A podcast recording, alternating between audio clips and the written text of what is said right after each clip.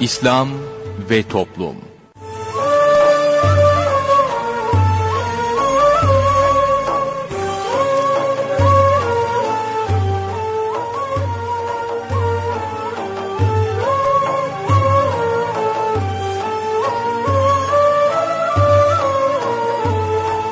Merhaba sevgili dinleyicilerimiz yeni bir programla daha sizlerle birlikteyiz. Bugün ana kumanda masasında arkadaşımız İsmail Sert görev yapıyor. Ben Mustafa Toköz programı sunuyorum. Programımıza şiirlerle menkıbeleri yayınlayarak başlayacağız. Daha sonra ilahi dinleyeceğiz. İlahinin ardından günlük sohbetimizi paylaşacağız. Daha sonra Hayatım Roman gelecek ve son olarak da Sorun Söyleyelim de Osman Ünlü hocamızla birlikte olacağız.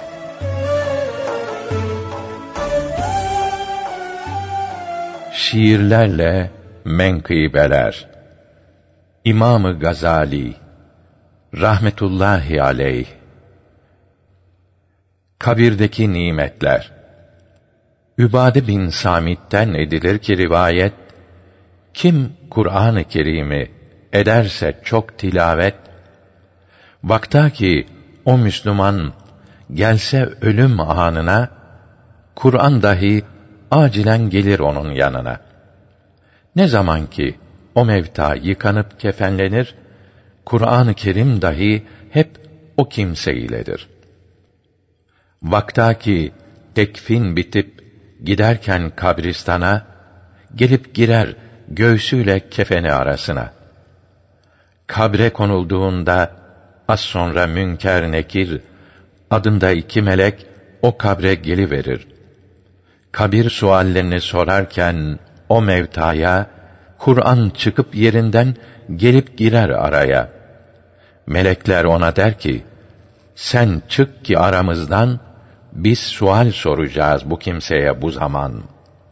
Meleklere cevaben Kur'an-ı Kerim dahi der ki: Ben bu kimseden ayrılamam vallahi.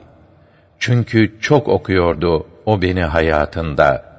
Ben de garip bırakmam onu garip anında. Fasıklardan birisi etmişti bir gün vefat. Rüyada gördü onu hal ehli, iyi bir zat. Azaplar içindeydi. Hüzün çöktü kalbine. Aradan zaman geçti. Rüyada gördü yine. Baktı ki hali iyi. Sevinip buna derhal hikmeti nedir diye eyledi ondan sual. O dedi, yanımıza geldi bir mübarek zat. O gelince azaptan kurtulup oldum rahat. Mevta kabirlerinde görür ve işitirler.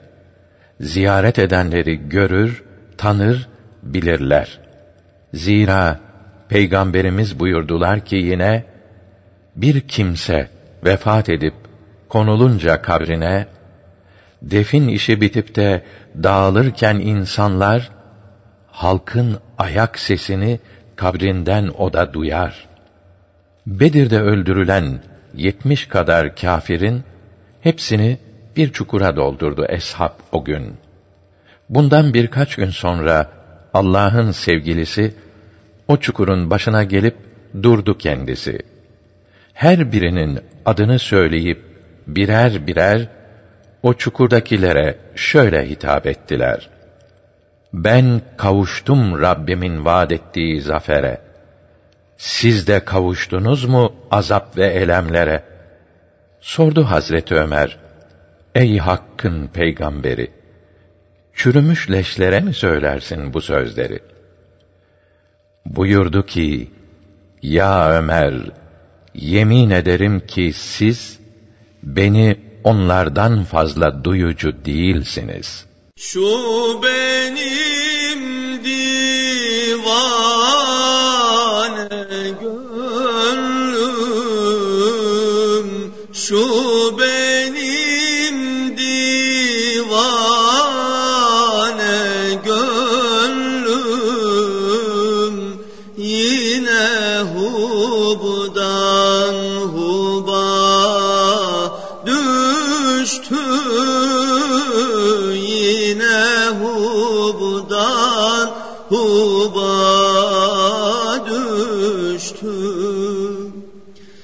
mehcemalin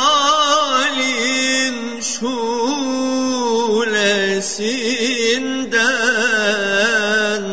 mehcemalin şulesinden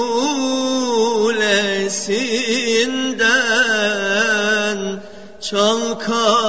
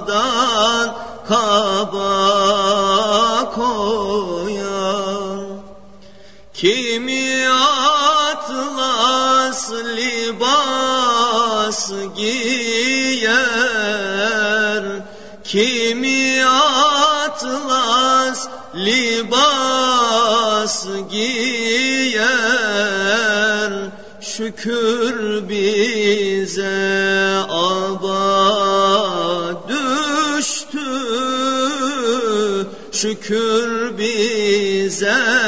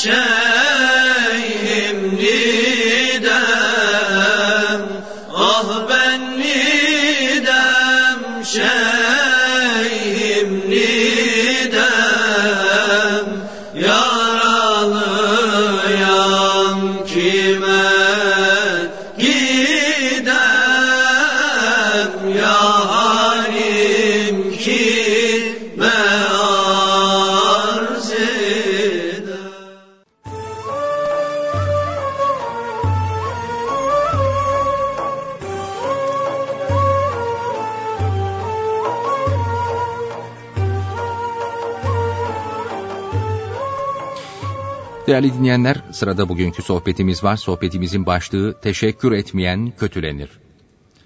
İyilik yapana teşekkür edileceğini herkes bilir. Bu insanlık icabıdır. İyilik edenlere hürmet edilir. Nimet sahipleri büyük bilinir. O halde her nimetin hakiki sahibi olan Allahü Teala'ya şükretmek, teşekkür etmek insanlık icabıdır. Aklın lüzum gösterdiği bir vazifedir. Çünkü iyiliğe karşı iyilik yapmak insanlık vazifesidir. Böyle olunca her iyiliği yapan, en büyük iyilik olarak yokken var eden, en güzel şekli veren, lüzumlu uzuvları, kuvvetleri ihsan eden, sıhhat veren, akıl ve zeka bahşeden, çoluk çocuk, ev, ihtiyaç eşyası, gıda, içecek, elbiselerimizi yaratan yüce bir sahibe, bu nimetleri sebepsiz, karşılıksız ihsan eden ve her an yok olmaktan, düşmandan, hastalıktan muhafaza eden ve bize hiç ihtiyacı olmayan, sonsuz kuvvet, kudret sahibi olan Allahü Teala'ya şükretmemek, kulluk hakkını ödememek ne büyük bir kabahat olur. Hele ona ve nimetlerin ondan geldiğine inanmamak veya bunları başkasından bilmek en çirkin yüz karası olur. Cüneyd-i Bağdadi Hazretleri şükrü Allahü Teala'nın ihsan ettiği nimetle ona isyan etmemektir diye tarif etmiştir. Bir kimseye her ihtiyacı verilse, her ay yetecek para, gıda, hediye olunsa, bu kimse o ihsan sahibini her yerde herkese karşı övmez mi? Gece gündüz onun sevgisini, onun kalbini kazanmaya uğraşmaz mı? Onu dertlerden, sıkıntılardan muhafaza etmeye çalışmaz mı? Ona hizmet edebilmek için kendini tehlikelere atmaz mı? Bunları yapmasa, o ihsan sahibine hiç kıymet, kıymet vermese, herkes onu ayıplamaz mı? Hatta insanlık vazifesini yapmıyor diye cezalandırılmaz mı?'' İyilik eden bir insanın hakkına böyle riayet ediliyor da, her nimetin, her iyiliğin hakiki sahibi olan, hepsini yaratan, gönderen Allahü Teala'ya şükretmek, onun beğendiği, istediği şeyleri yapmak niçin lazım olmasın? Elbette en çok ona şükretmek, en çok ona itaat etmek, ibadet etmek lazımdır. Çünkü onun nimetleri yanında başkalarının iyilikleri deniz yanında damla kadar bile değildir.'' Hatta diğerlerinden gelen iyilikleri de yine o göndermektedir. İnsan Allahü Teala'ya karşı lazım olan şükür borcunu nasıl yapmalıdır? Bazı alimlere göre şükür Allahü Teala'nın varlığını düşünmekle, bazılarına göre nimetlerin ondan geldiğini anlamakla, bazılarına göre ise onun emirlerini yapmak, haramlarından sakınmakla diye bildirmişlerdir. Alimlerden bazılarına göre de insanın Allahü Teala'ya karşı vazifesi üçe ayrılır. Birincisi bedeniyle yapacağı işlerdir. Namaz, oruç gibi. İkincisi ruhuyla yapacağı vazifedir. Doğru itikat, ehli sünnet alimlerinin bildirdikleri gibi iman etmek. Üçüncüsü, insanlara adalet yapmakla Allahü Teala'ya yaklaşmaktır. Bu da emaneti muhafaza, insanlara nasihat etmek, İslamiyeti öğretmekle olur. Bütün bunlardan anlaşılıyor ki ibadet üçe ayrılır. Doğru itikat, doğru söz ve doğru iş peygamberler ve bunların varisleri olan ehli sünnet alimleri, ibadetlerin çeşitlerini ve nasıl yapılacaklarını ayrı ayrı bildirmişlerdir. Herkesin bunları öğrenmesi ve ona göre hareket etmesi lazımdır. Zira insan için doğru itikat, doğru söz ve ameli salih birinci vazifedir. İslam alimleri, insana vacip olan birinci vazife iman, amel ve ihlas sahibi olmaktır dünya ve ahiret saadetleri ancak bu üçüne kavuşmakla elde edilir buyurmuştur. Amel, kalp ve dille yani söz ve bedenle yapılacak işler demektir. Kalbin işleri ahlaktır. İhlas, amelini yani bütün işlerini, ibadetlerini yalnız Allahü Teala'nın rızasına, sevgisine kavuşmak için yapmak demektir. İyilik edene mal ve hizmetle karşılığı yapılır. Bunu yapamayan teşekkür ve dua eder karşılık yapmayanın başına kakılır, kötülenir, incitilir. İmam Rabbani Hazretlerinin buyurduğu gibi, iyilik edene teşekkür lazım olduğunu akıl da, İslamiyet de göstermektedir. Şükrün derecesi, gelen nimetlerin miktarına bağlıdır. Nimet ne kadar çoksa, şükretmek lüzumu da o kadar çok olur.''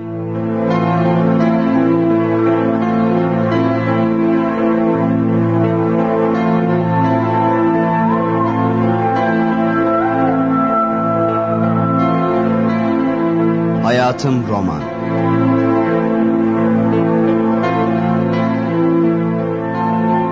Yapım Mehmet Köseoğlu. Eser Ünal Bolat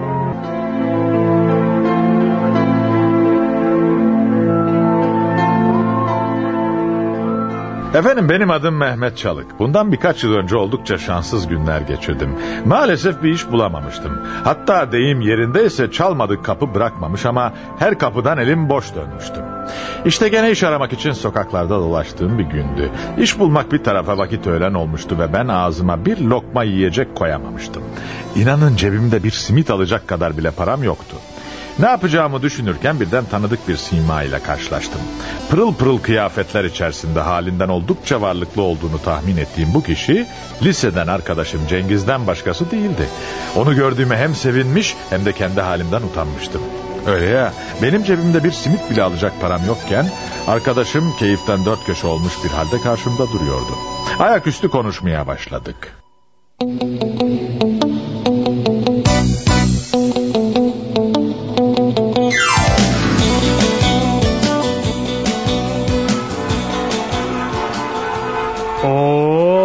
Mehmet Çalık. 162 Mehmet. Beni hatırladın mı? 75 Cengiz güçlü nasıl hatırlamam. Bu ne tesadüf böyle.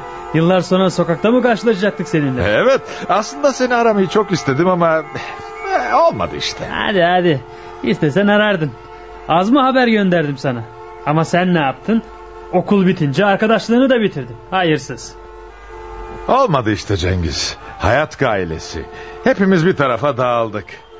Eh, hiçbir şey okul hayatındaki gibi kolay değil. İnsan öyle bir mücadelenin içine giriyor ki inan bana en yakınını bile aramak hatırına gelmiyor. Çok dertli konuştun be Mehmet. Eğer bir sıkıntın varsa yardım etmek isterim. İşte, yok bir şey. Hadi hadi söyle çekinme. Biz eski arkadaşız. Yapabileceğim bir şey varsa seve seve yaparım. Ee, ben iş arıyorum da Ha anlıyorum. İşsizlik zor ama o kadar da değil yani. Anlamadım. Ben de işsizim Mehmet. Eh, işsizliği böyleyse bir deyişi olsa kim bilir ne olurmuş. Öyle şaşkın şaşkın yüzüme bakma Mehmet. İnan ben de işsizim. Ama işsizlik işi yapıyorum ben. N- nasıl oluyor bu? Önce yemek yiyelim sonra anlatırım nasıl olduğunu. Eh, Bırak çekinmeyi de hadi gel benimle. Yemekler benden. Hem sana da işimi anlatırım. Belki sen de yaparsın.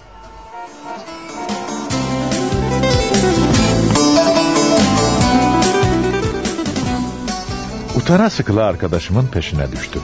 Önce bir lokantaya gittik. Bir izzet, bir ikram ki sormayın gitsin.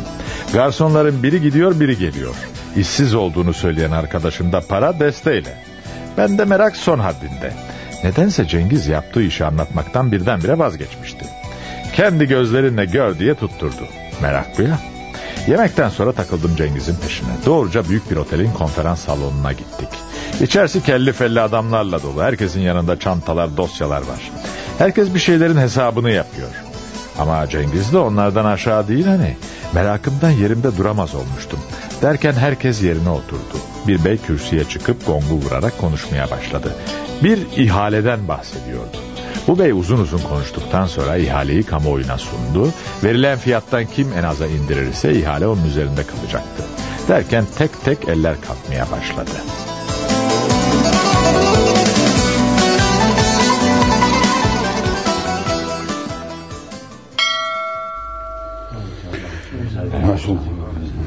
Evet beyler şimdi ihaleyi açıyorum. 5 milyar 600 milyon lira. 5 milyar 450 milyon. 5 milyar 200 milyon. 5 milyar 50 milyon. 5 milyar 25 milyon.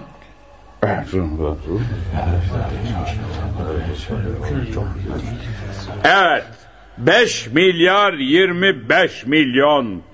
Birinci seans bitmek üzere. 4 milyar. Evet 4 milyara birinci seansı kapatıyorum. 3 milyar. 950 milyon. 3 milyar 950 milyon.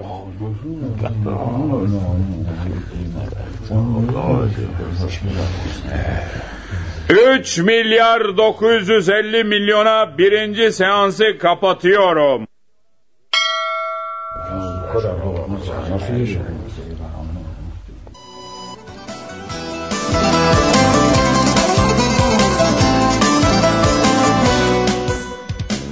Hiç kimse Cengiz'in verdiği bu fiyata inanamamıştı. Tabii ben de. Meğer arkadaşım bayağı zenginmiş diye düşünüyordum ki sonradan yanıldığımı anladım. Birinci seansın sonunda herkes öfke içinde dışarıya çıkmıştı. İnsanlar adeta burnundan soluyordu. En çok da 4 milyar fiyat veren kişi. Hemen Cengiz'in yanına geldi. İnanın yüzünün rengi kaçmıştı sanki.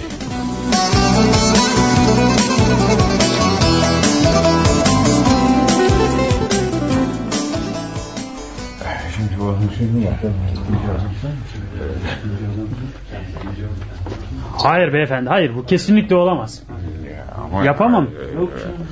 Ee, bakın beyefendi sizinle anlaşmamız lazım. Yapamam diyorum size daha önce de söylediğim gibi. Hiç Ama bu sanmıyorum. İhale ihaleyi- bende kaldı çünkü. Ama bir dakika bu ihaleyi mutlaka almam lazım diyorum. Bütün hesabı kitabımı ona göre kurdum inanın Hı, bana. Ben de öyle beyefendi ben de. Ee, o halde anlaşma yoluna gidelim efendim. Bu benim için çok önemli.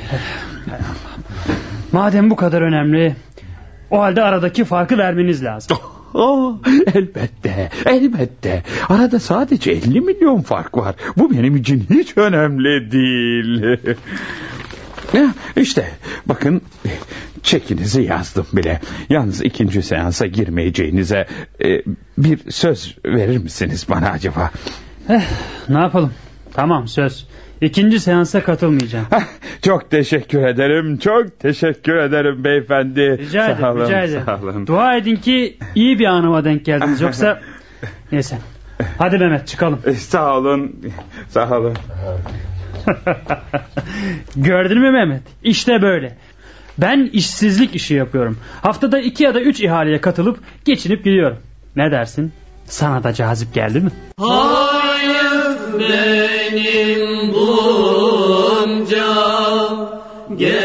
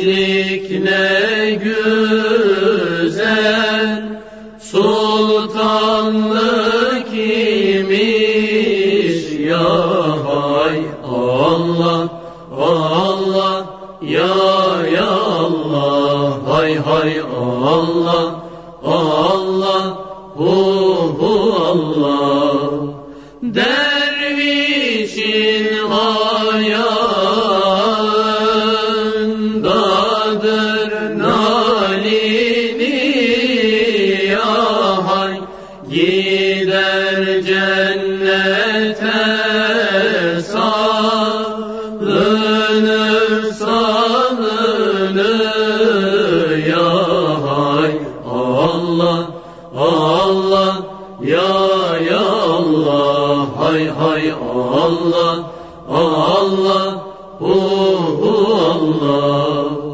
Allah bilir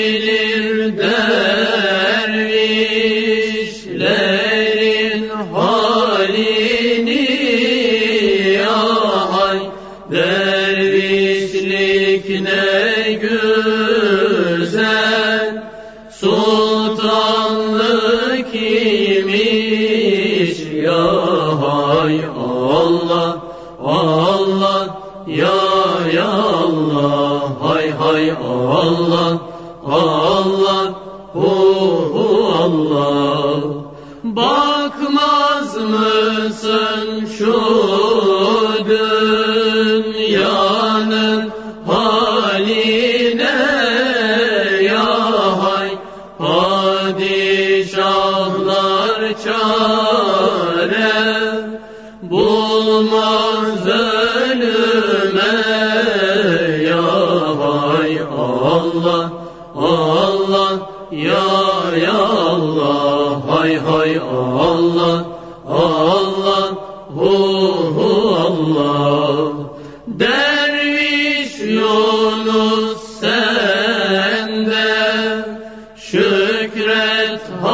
haline ya hay dervişlik ne güzel.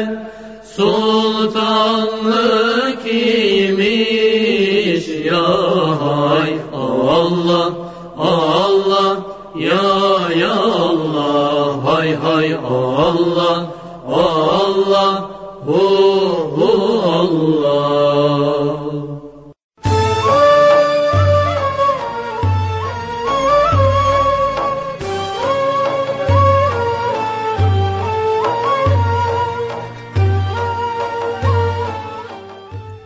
Değerli dinleyenler yayınımıza devam ediyoruz. Sırada sorun söyleyelim var. Osman Ünlü hocamızla birlikteyiz. Hoş geldiniz hocam. Efendim hoş bulduk. Hocam dinleyicilerimizden gelen sorular var. Bir dinleyicimiz diyor ki e, dinleyicimizin beyi namazında niyazında birisiymiş ancak dişinde dolgu varmış. Maliki mezhebini de taklit etmiyormuş. Bu hanım dinleyicimiz beyine e, bunu birkaç kere söylemiş. İşte Osman Ünlü Hoca'nın e, sohbetlerinden de diyor dinlettim ona e, bu konuyla ilgili olarak. E, ama diyor benim dinlettiğim diyor çok böyle yüzeysel geçen bir konuydu. E, sadece orada bahsedildi, geçildi, ayrıntı verilmedi. E, işte benim beyim de ya bir tek Osman Hoca söylüyor, başka kimse söylemiyor bu mevzuyu falan demiş. Nasıl inanacağız filan demiş. E, biraz anlatabilir misiniz diyor mevzuyu. Ya estağfurullah. Şimdi e, fıkıh kitaplarından nakil söz konusu olmayınca insanlar kendi düşüncelerini ve yorumlarını anlatınca e tabi insanların kafası da karışıyor. Nakli esas almış olsalar mesele bitecek. E, tabii kendi kafalarına göre bu zarurettir. Bu işte artık e, bu problem değildir. Kendi kafalarına göre bunlar. Din kitaplarında böyle bir şey yazmıyor. Fıkıh kitaplarında, temel fıkıh kitaplarında dinde değişiklik olmaz. Bin sene önce de aynı, şimdi aynı herhangi bir şekilde bir durum söz konusu değildir. Dinin temeli kitaplara yazılmış. Onda her şey, herhangi bir şekilde oynama olmaz. Farz farzdır, vacip vaciptir. Haram haramdır, mekruh mekruhtur, müfsit müfsittir. Yani bir ibadeti bozan hal, ifsad eden hal neyse bunların hepsi yazılmış. Bunların üzerinde artık. Ya bu zamanda bunları değiştiremiyor. Yok öyle bir şey. Yani dün haram olan bir şey bugün e, sevap olmaz ya da dün farz olan bir şey bugün sünnet olmaz yani. Bu değil, olmaz evet. o. Ee, yani dinin sahibi değiştirir. Adem Aleyhisselam'dan itibaren de itikatta aynı bütün dinler. Adem Aleyhisselam'dan itibaren Allah Teala'nın gönderdiği dinler, iman esaslar aynı. Onlarda bir değişiklik yok. Ama amel konusunda Allah Teala her gönderdiği ümmete farklı farklı aynı şekilde ibadetler, farklı şeyleri haram kılmış, farklı şeyleri helal kılmış. Mesela ortak olarak hepsinde bildirilen ortak haramlar da var. Mesela zina hepsinde haramdır. içki hepsinde haramdır. Bütün dinlerde hepsinde haramdır. E, bazı şeyler ortaktır. Evet. Ama bazı şeyler vardır. E, mesela diyelim ki bir ümmete izin verilmemiştir. Başka ümmete izin verilmiştir. En son olarak Muhammed Aleyhisselam'la beraber allah Teala ben dinimi tamamladım buyuruyor Cenab-ı Hak. Peygamber Efendimiz Aleyhisselatü Vesselam bunu açıkladı. Eshab-ı Kiram bunu anlattı. Tabi'in de tedvin etti. Yani kaleme aldı ve yazdı. Fıkıh kitaplarına geçti. Yani Kur'an-ı Kerim ve hadis-i şeriflerdeki hükümler fıkıh kitaplarındadır. Fıkıh kitapları Kur'an-ı Kerim ve hadis-i şeriflerdeki bildirilen hükümleri içine alır. Yorum değil bunlar. Görüş de değil. Dolayısıyla İmam-ı Azam Ebu Hanife radıyallahu teala Kur'an-ı Kerim ve hadis-i şerifleri tetkik ederek ve Peygamber Efendimiz'den gelenleri alıyor. Mesela namaz konusu. E, namaz işlerken aynı şekilde namazdan önce bu ibadetin, e, namaz ibadetin icra edilebilmesi için e, Kur'an-ı Kerim'de ayet-i kerimeler var. Gusül, abdestle alakalı. Hadis-i şerifler bunları açıklamış. Ondan sonra bunların da bir Müslümanın yapabilmesi için, nasıl yapabilmesi için nelere dikkat etmesi lazım?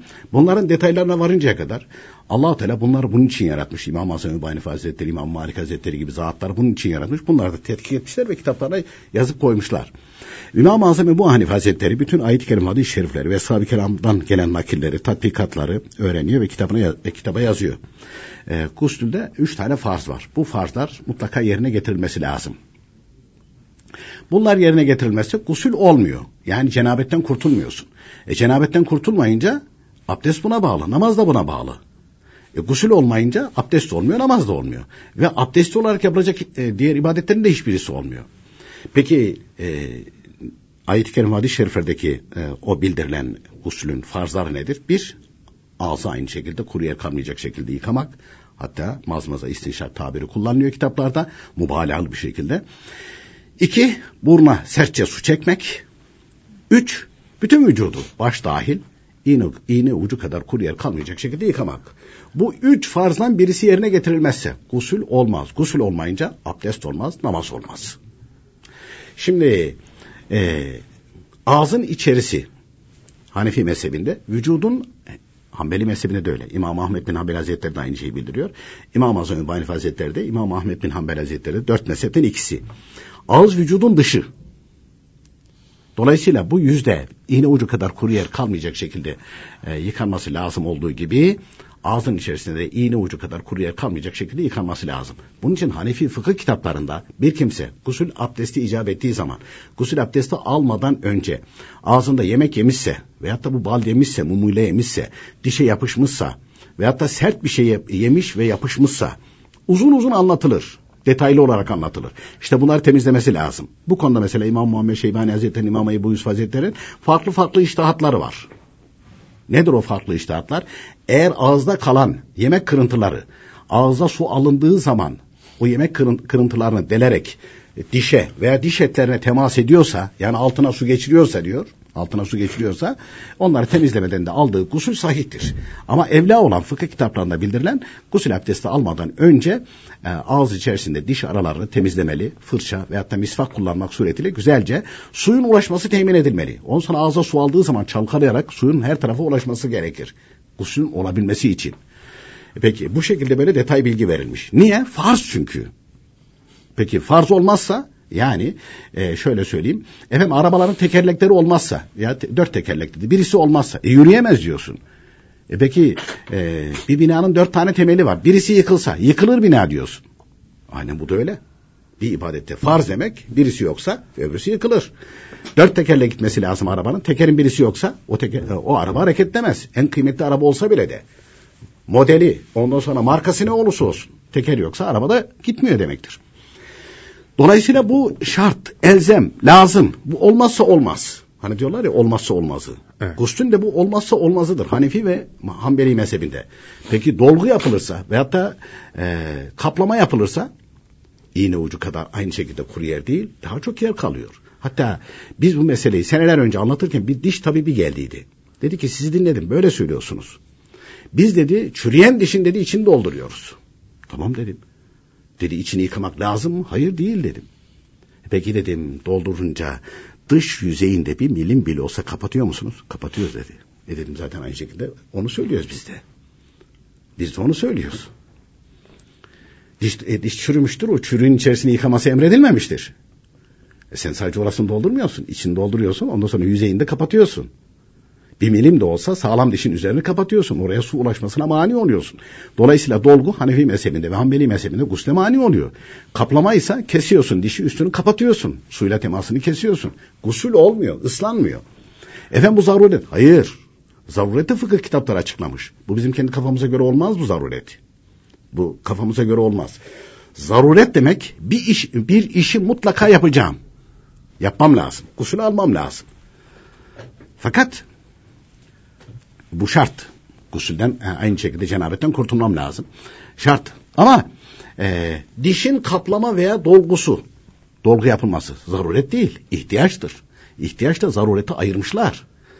Zaruret olabilmesi için diş tabi diyecek ki bunu doldurmazsak veya da aynı şekilde bunu kaplama yapmazsak sen ölürsün diyecek.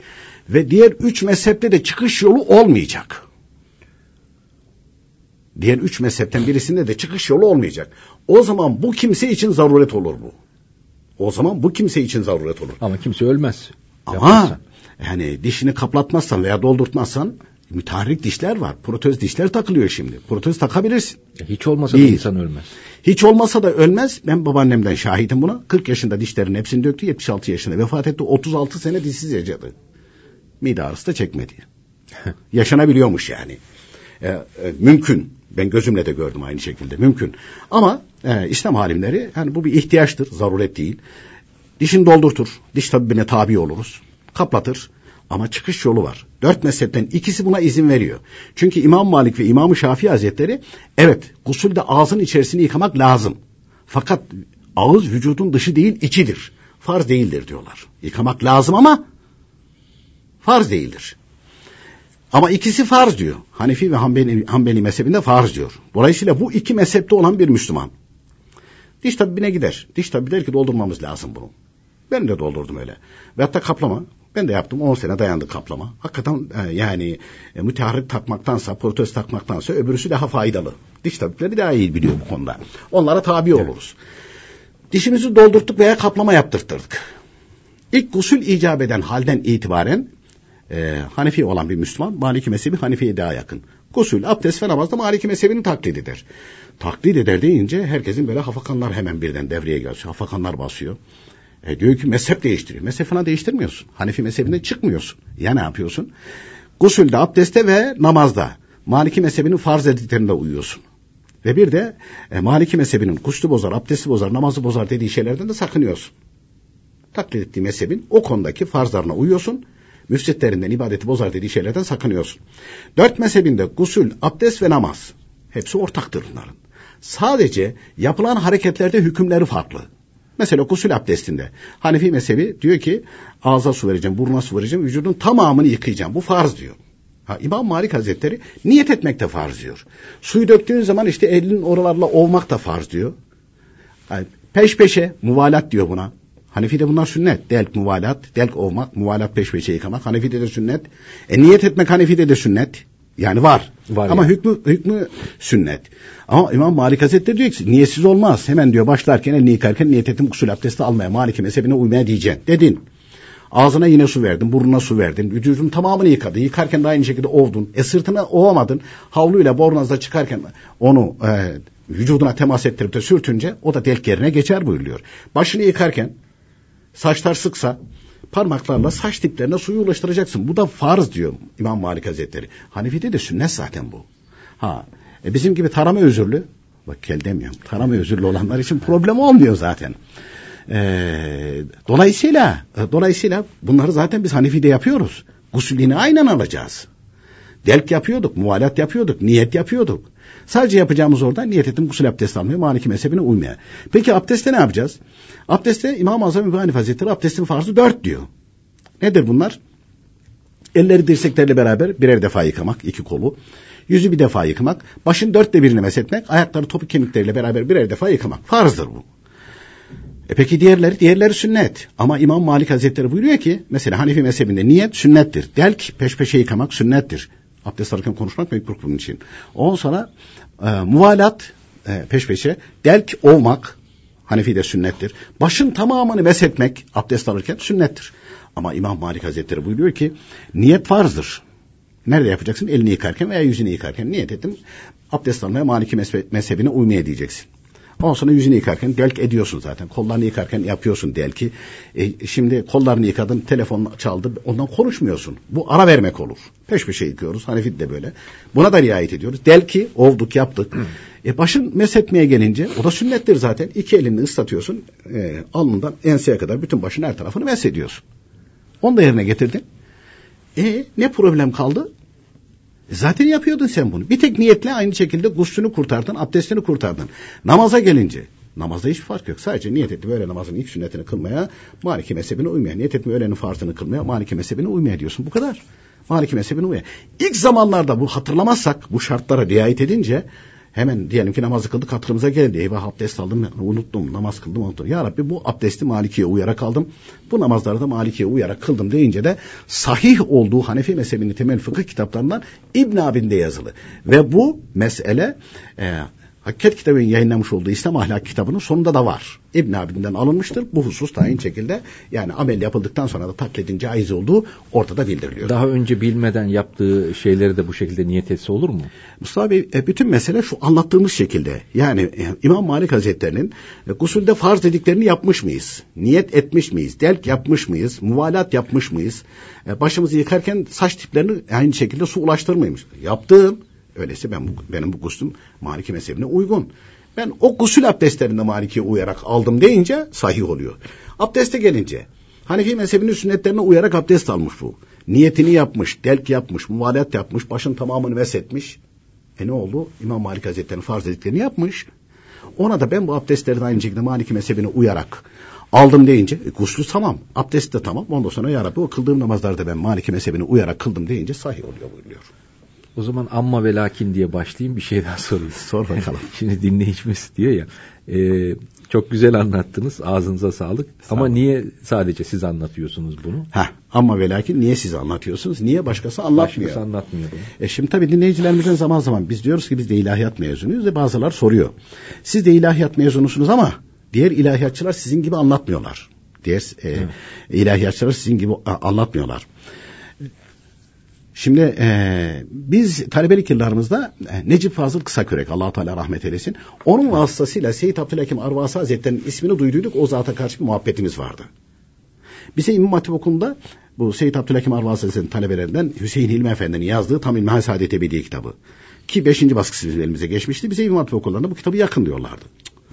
Ya çok kitap alıyordum. Bir tek buna söylüyorlardı. Ben de merak ettim. Yakmadım. Oradan bazı hazırladığım hutbeler, konular falan vardı. Ondan da on verdilerdi. O zaman e, bir şüphe uyanmıştı. Ha şimdi tam İlmihal Saadeti Ebediye kitabını kitabını hazırlayan zat diyor ki benim üstadım hocam Seyyid Abdülhakim Arvasi Hazretleri'dir. Dört mezhepte mütehassıstır. Onun hocası Seyyid Fehim Arvasi Hazretleri. Onun hocası Seyyid Tahay Hakkari Hazretleri. Onun hocası Mevlana Adı Bağdadi Hazretleri.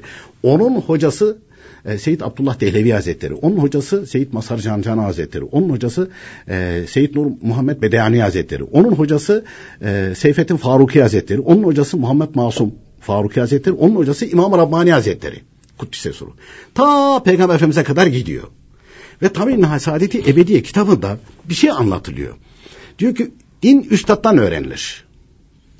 Ve bir kitabın aynı şekilde hazırlayanı, hazırlayanı yani üstadlar var mı, hocalar var mı, yok mu ona bakılır. Ve sonra biz Saadet Ebediye okuyunca bu kitabı yakın diyenlere baktık ne hocası var ne bir şey yerden ot biter gibi bitmişler. Mürşidi yok hiçbir. Mürşidi yok. Dolayısıyla kendi yorumlarını söylüyorlar. Seyyid Abdülhakim Arvasi Hazretleri dört mezhepte mütehassıs. Ve talebesi Hüseyin İlmi Efendi'yi buna göre e, ve İbn Abidin de İbn Abidin de Mevlana Aldı Bağdadi Hazretleri'nin talebesidir. Ha, sıradan kimseler oradan değiller. Da bir bağlantı var zaten yani. Ha, ha, oradan da bağlantı var. Dolayısıyla tam İlmi Hasadeti Ebedi kitabını biz okumaya başlayınca bize inovatif ve ilahiyatta okutulan kitapların ehl Sünnet alimlerin kitaplar olmadığını yakinen gördük. Çünkü bize Seyyid Kutup, Mevdudi, ondan sonra İbn Teymiye ve benzerleri aynı şekilde alim diye önümüze koydular. E sonra baktık ki İbn Teymiye mücessime fırkasından. Seyyid Kutup ihtilalci, sosyalistmiş zaten. Yani e, din alimi değil. Birisi de Vehhabi. Bir e, Vehhabi ve e, İbn Teymiye zaten aynı şekilde hocası yok, mürşidi yok. İlmi var, ilmi sapıtmasına sebep olmuş. ve Habilik de ondan aynı şekilde mülhem piyasaya girmiş. Ve dolayısıyla ha, baktık ki biz kahraman diye gördüklerimiz sahtekar çıktı. Ha, doğru olan bu. Doğru olan bu. E şimdi bu insanlar onlara ben hani şimdi kızamıyorum. Başlangıçta kızıyordum. Çünkü ben de aynı yerden geldiğim için ben de aynı görüşteydim.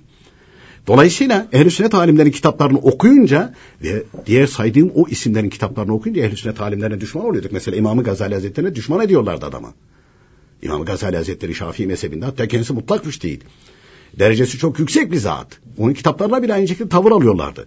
Okuyunca ha esas kahramanlar bunlarmış. Esas İslam alimleri bunlar. E bugünkü sıkıntı İmam Hatip okullarında olsun, medreselerde olsun takip edilen yol mezhepsizlerin önüne koyduğu yol. Ne demek o mezhepsizlerin? Kur'an-ı Kerim açıyor. Estağfirullah. Bak ayet-i kerimede ne buyuruyor? Allah diyor ki diyor Celle Şanuhu. Adam kendi yorumunu söylüyor. Sanki ona geldi yani. Sanki ona geldi. Halbuki ehl-i sünnet alimleri buyuruyor ki murad-ı ilahiden yani murad-ı ilahiyi anlayan Peygamber Efendimiz'dir. Yani allah Teala neyi murad ettiğini Peygamber Efendimiz anlar. Çünkü ayet-i kerimenin muhatabı odur. Hadis-i şeriflerin muhatabı da müştehid alimlerdir. Ve onlar da aynı şekilde muradı Resulullah, Peygamber Efendimiz'in muradını anlıyor ve kitaplarına yazıyorlar. Dolayısıyla, dolayısıyla bizim yapacağımız iş ehl sünnet alimlerin hazırladığı ve kaynak bildirerek bildirmiş olduğu aynı şekilde o kitaplardan dinimizi öğrenmek. Kaynağa döndüğün zaman iş kökünden halloluyor. İş kökünden halloluyor. Dolayısıyla zamanımızda ister ilahiyat kökenli, ister medreseli, ister aynı şekilde Kur'an-ı Kerim kökenli olsun. Bu Cumhuriyet döneminde yetişip de aynı şekilde kendisine hoca takımı, aynı şekilde böyle sarıklı, sakallı veyahut da etiketli, kariyerli kim olursa olsun. Bunların hiçbirisi ölçü değil. Bunların hiçbirisi ölçü değil. Dolayısıyla bunlara değil, ehl-i sünnet alimlerin kitaplarından nakil. Bazen adamın altyapısı yoksa bu nakli bile yanlış anlıyor. Oradan okurken de yanlış anlıyor. Çünkü onu da anlayabilmek, nakledebilmek için belli bir altyapısı olması lazım. Ha diyeceksiniz peki siz nasıl oluşturdunuz? Senelerce okumak suretiyle. Ha diyeceksin efendim hani o seviyeye geldim. Hayır. Ama okuduğumu anlayıp aynı şekilde nak e, nakledebilmek için uğraşıyorum. Hata yapmamak için uğraşıyorum. Çünkü Mustafa Bey ölünce bize de hesap soracaklar. Sen bunu nereden bildirdin diye. Dolayısıyla Hulay Sahi Kelam mezhepsizlerin veya bidat ehlinin kitaplarını okuyarak kendilerini hoca olarak tanıtanlar bunlara karşı. Ama ehl sünnet alimlerin kitaplarını aynı şekilde şey yapmışsa, okumuşsa şu naklettiğimiz bilgi Seyyid Abdülhakim Arvasi Hazretlerine ait. Dört mezhepte de mütehassıs.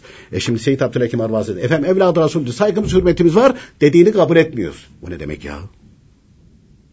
Seven sevdiğine itaat eder Mustafa Bey.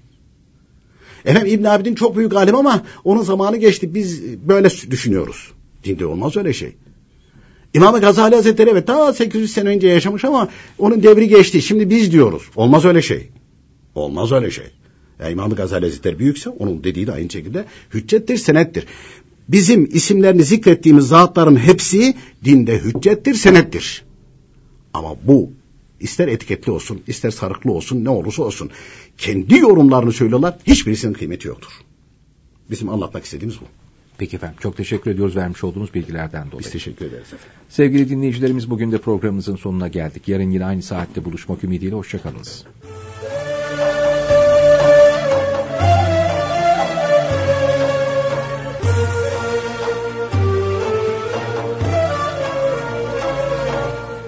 İslam ve Toplum